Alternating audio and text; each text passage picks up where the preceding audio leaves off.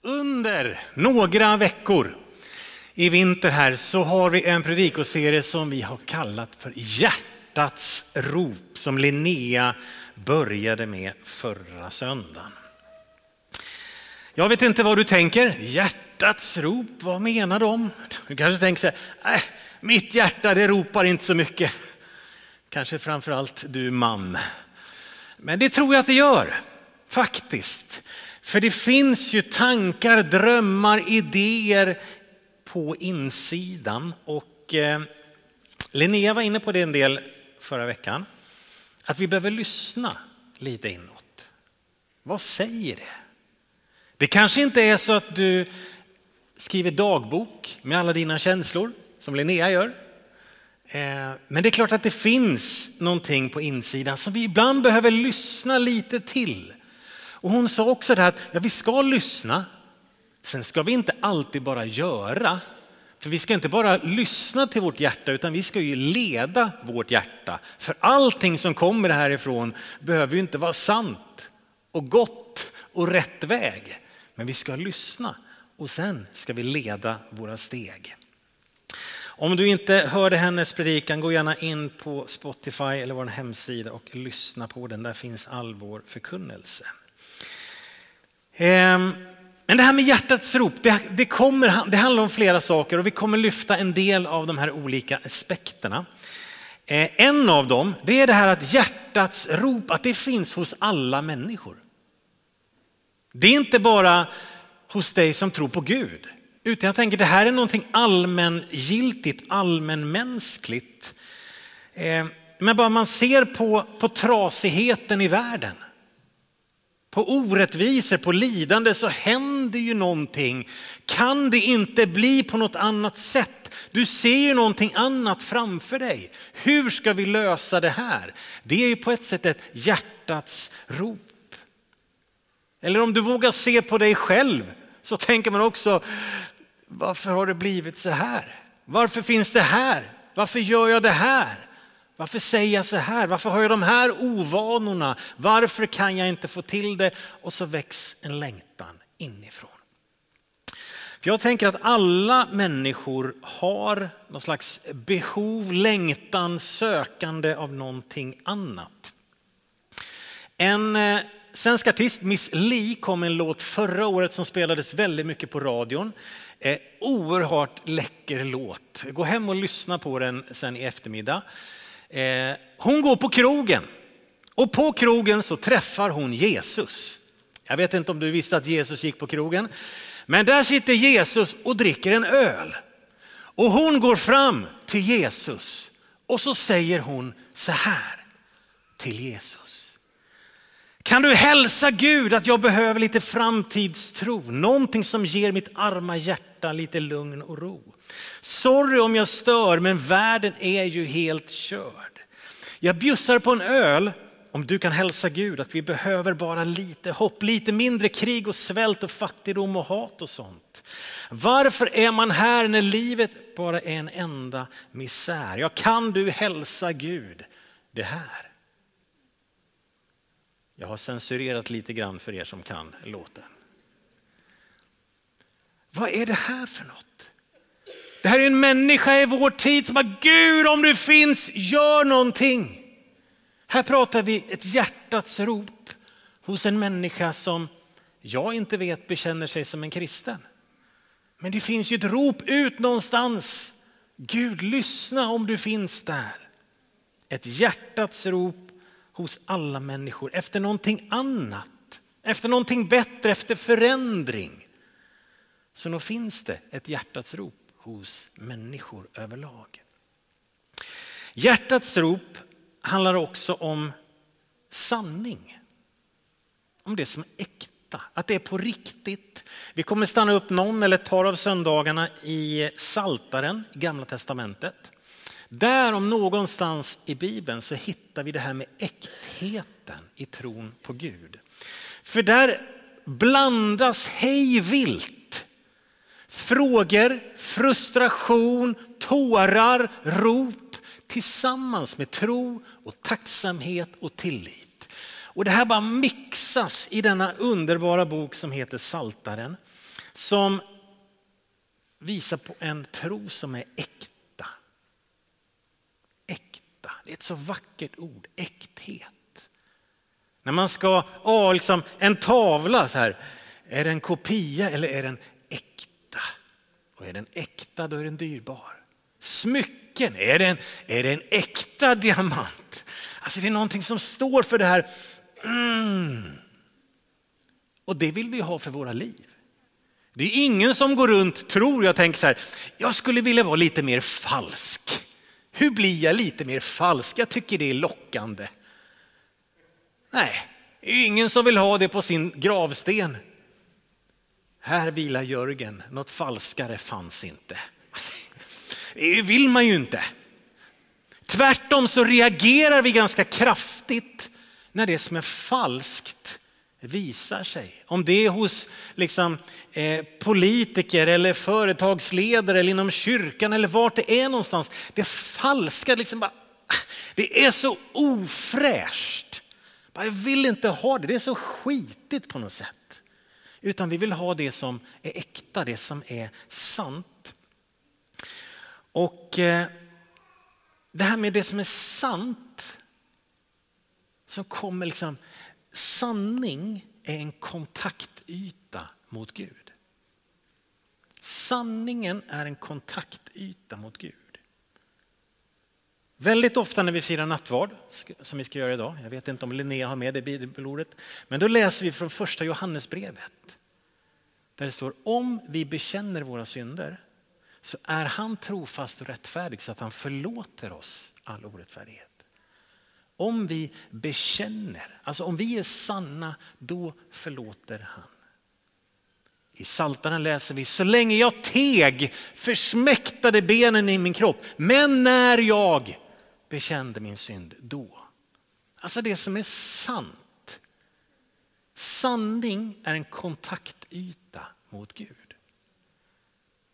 Och det är också så att sanningen är ju en kontaktyta mellan människor, eller hur? För när det blir äkta, då berörs vi. Jag och Britta vi satt och tittade på en, en dokumentär igår kväll. Vad vi gör en lördagkväll, sitter och tittar på dokumentärer, låter väl spännande. Då är det fest hos Davidsson. Eh, men det var ett gäng liksom, världsartister som hamnade liksom, på en äkta plats med varandra. När en del av det här glitter och glamour försvann och det blev bara människor i rummet. Bara så här, här händer någonting och människor möts. Så sanning, äkthet, det är en kontaktyta mot Gud. Om du vill närma dig Gud, då behöver du vara sann och äkta. Och vill vi möta varandra, så samma sak där, så behöver det vara sant, äkta med varandra. Så hjärtats rop handlar om sanning och äkthet. Och hjärtats rop handlar om tillbedjan och där vill jag stanna lite extra idag. Tillbedjan, det är också ett sånt här ord som, vad, vad tänker du på när, du, när man säger tillbedjan? Ja men det är något eh, det är något kyrkligt eller något religiöst i alla fall. Det finns inom alla religioner. Folk böjer sig liksom i något altare och håller på med ritualer. Eller här i kyrkan, du kanske böjer knä vid korset, vi firar nattvard, vi står upp och sjunger. Ja, nu tillber vi en stund i det här religiösa, det här troende sfären. Och sen så går vi tillbaka till det vanliga livet. Eller är det så? Nej, det är ju inte riktigt definitionen på tillbedjan tycker jag när jag läser min bibel.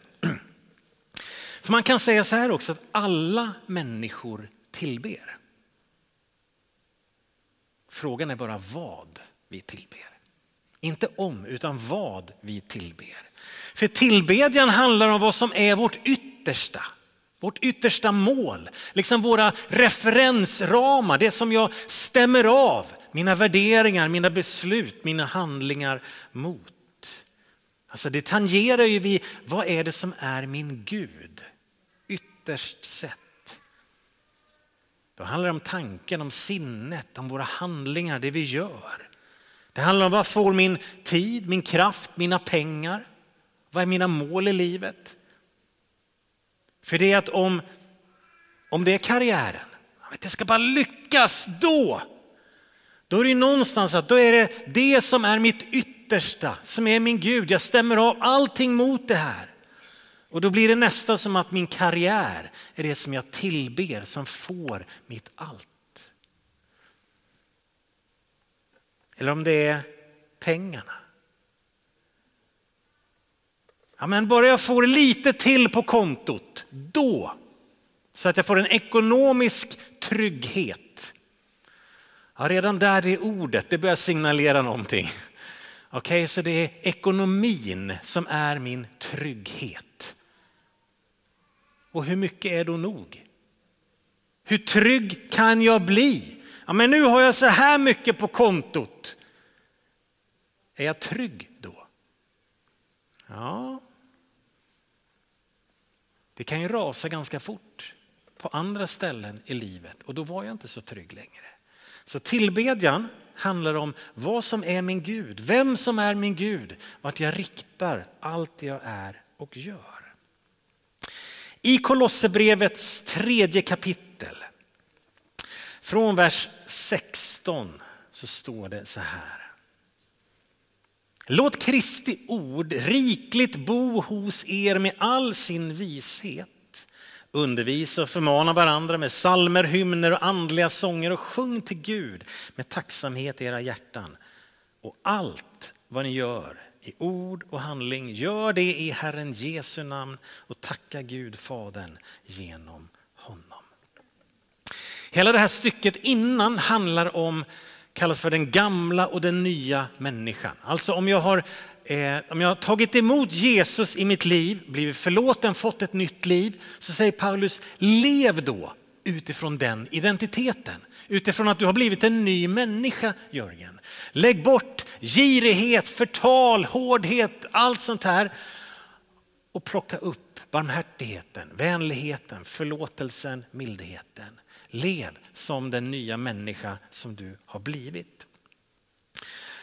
Så hela stycket handlar om att vi lever hela vårt liv inför honom i allt det vi gör. Allt vad ni gör i ord och handling.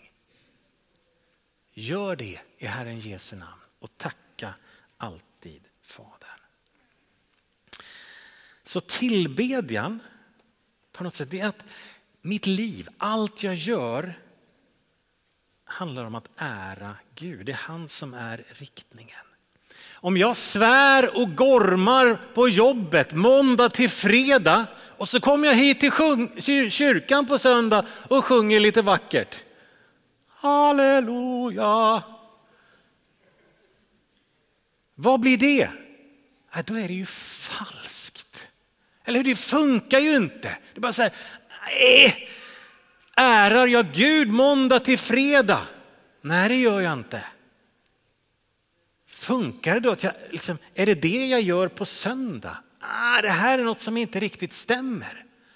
Det handlar inte att tillbe Gud är inte bara när jag kommer hit en och en halv timme och försöker se lite fin ut och sjunga vackert och följa med tonerna.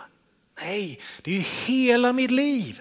Romarbrevet 12 säger Paulus här, låt oss frambära våra kroppar som ett levande och heligt offer som behagar Gud. Det är er andliga gudstjänst. Hela min kropp bär jag fram i min gudstjänst. Och kroppen är ju med måndag till fredag också vad jag vet. Hela mitt liv, allt vad ni gör i ord och handling. Så tillbedjan handlar om hela mitt liv. Det här ser vi genom gamla testamentet också.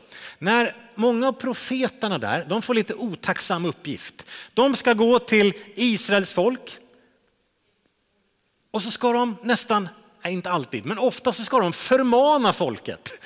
För folket de, har liksom, de säger så här, ja vi tror på dig Gud, och så går de och gör någonting annat.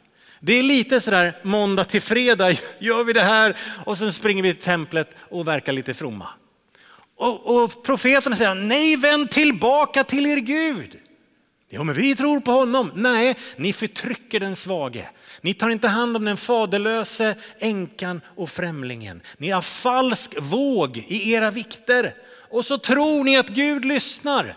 Vänd om. Deras liv ärade inte Gud. En av profeterna säger, nu har jag inte det uppskrivet vart det är, detta folk ärar mig med sina läppar, med deras hjärta hjärtan är långt ifrån mig. När jag läser det känner jag bara, kära Gud, hjälp mig så att jag inte blir en sån människa. Att jag ärar dig med mina läppar, men mitt hjärta är i själva verket långt borta. Gode Gud, förlåt mig de gånger som det är så. Så tillbedjan handlar om att mitt liv liksom följer Kristus. Det är inte bara liksom söndag utan måndag till fredag och lördagen får väl hänga med där också. Men vi ska inte ställa det här i någon slags motsatsförhållande heller till den gemensamma tillbedjan vi gör när vi firar gudstjänst. Den är jätteviktig också. Det är jätteviktigt att fira gudstjänst. Nej, säger du, hur viktigt kan det vara? När Israels folk är slavar i Egypten under farao så kallar Gud på Mose. Mose, gå till farao och säg åt honom att släppa mitt folk. Då kommer farao fråga, varför då? Då ska du säga så här till farao. Andra Mosebok 7, 16. Släpp mitt folk för att de har ont i ryggen av allt arbete. Nej, det ska han inte säga. Släpp mitt folk för de är lite trötta och behöver ha lite tid för sig själva, lite egen tid. Nej. Släpp mitt folk så att de kan hålla gudstjänst åt mig i öknen. Det var poängen. Släpp mitt folk så att de kan tillbe mig. Och det här fortsätter ju sen. Nya testamentet, Hebreerbrevet 10.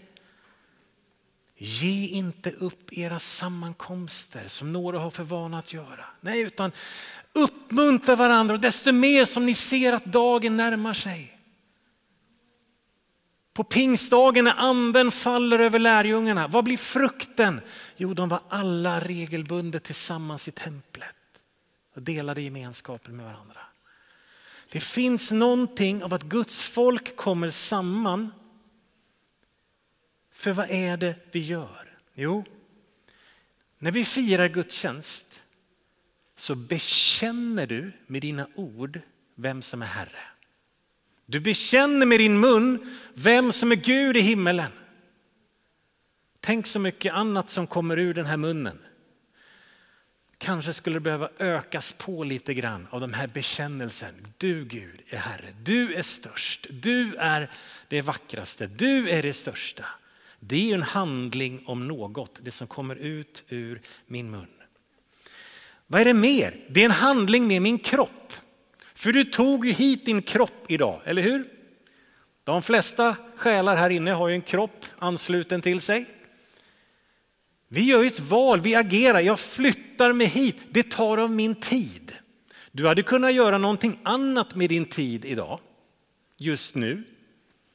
Och en del av er kanske sitter och tänker att ah, jag skulle åkt till Överby istället, hade man fått med sig något vettigt i alla fall.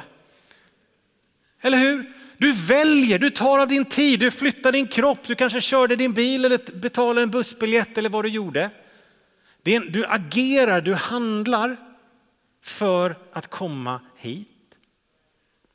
När vi är här så är du med. Du kanske lyfter dina händer. Du kanske böjer knä vid korset sen. Du tar del av nattvarden. Du kanske söker upp en förebedjare. Du använder din kropp Låt oss frambära våra kroppar som ett levande och heligt offer som behagar Gud. Det är er andliga gudstjänst. Sen när vi firar gudstjänst så är det inte bara så att ah, vi går väl till kyrkan en sväng. Utan det säger ju någonting. Du säger någonting med dina val. Ett aktivt val. varje gång du firar gudstjänst. Det är också tillbedjan. Du ger av din tid, du ger av din uppmärksamhet. Du kanske förhoppningsvis ger av dina pengar här så småningom när vi ska ta upp en kollekt också. Du handlar. Det som tar min tid, min uppmärksamhet, mina pengar. Det är tillbedjan. Det visar på vem som är min Gud, vad som är min Gud. Det händer ju inte bara, det är ett val. Och när du kommer hit så har du också ett val. Ska jag vara med och fira gudstjänst idag? Vi agerar. Ska landa in det här i en fantastisk söndagsskolberättelse från Nya Testamentet. Jag ser nästan flanellografen framför mig. Paulus och Silas de är på den andra missionsresan via apostlagärningarna. Och eh, de har rest genom eh, hela Turkiet och så tar de båten över till Grekland. De är uppe i norra Grekland, Filippi, Thessaloniki.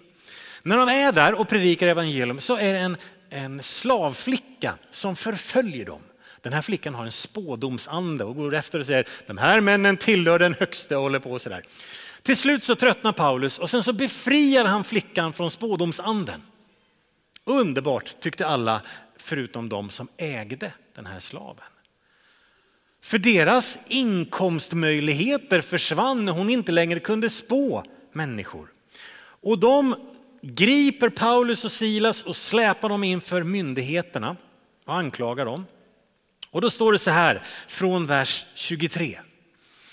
Och domarna slet av dem kläderna och befallde att de skulle piskas. De fick många rapp och kastades i fängelse och fångvaktaren fick befallning att noga bevaka dem. Då blev det inte lika härligt längre. I den här svåra situationen, försök att se det här framför dig. Man ser ju sådana här bilder på nyheter ibland. De är avslitna kläder, piskade och bevakade i en fängelsehåla. Sträng bevakning. Har de ont? Absolut. Finns det en osäkerhet? Kommer vi härifrån levande? Vet inte. Eller kommer de slå ihjäl oss? Och vad gör de då? Vad gör de i denna situationen? Jo, från vers 25. Vid midnatt var Paulus och Silas i bön och sjöng lovsånger till Gud och de andra fångarna lyssnade på dem.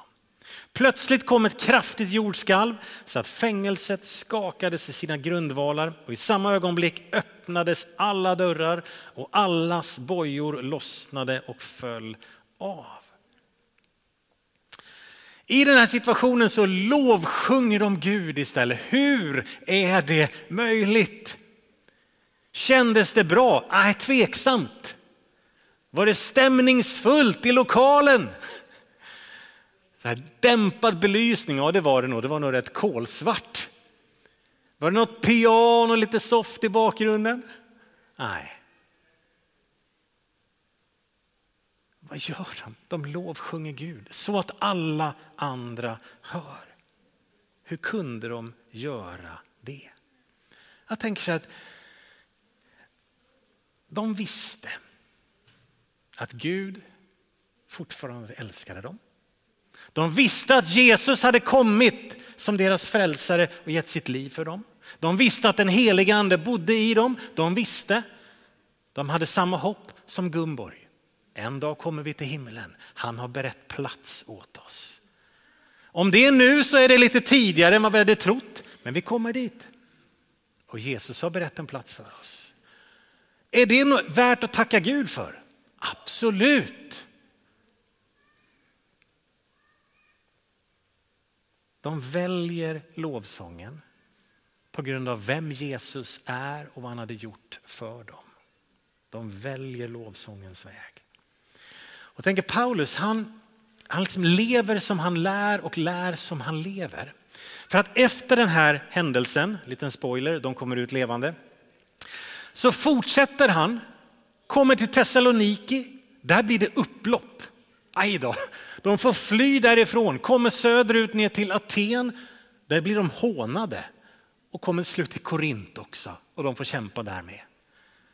Och från Korint så skriver han brev tillbaka till norra Grekland, till runt Thessalonika och Filippi och skriver så här. Tacka Gud under alla livets förhållanden. Detta är Guds vilja med er i Kristus Jesus. Vi läser den tillsammans högt allihopa. Ett, två, tre. Tacka Gud under livets alla förhållanden. Detta är Guds vilja med er i Kristus Jesus.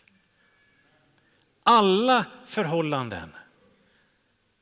Det är när man är i kyrkan med sina vänner och det mesta känns väl. Det var på pingstdagen när anden föll och allting var fantastiskt. Och alla förhållanden är också i en fängelsehåla i Filippi när det svider på ryggen. När de valde att upphöja Gud trots sin situation, de valde att bekänna honom som är större än allt, så bryter Guds kraft igenom.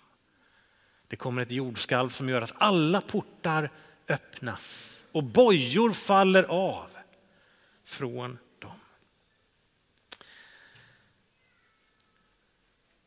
Det Bibeln lär oss är att det finns alltid orsak att prisa Jesus.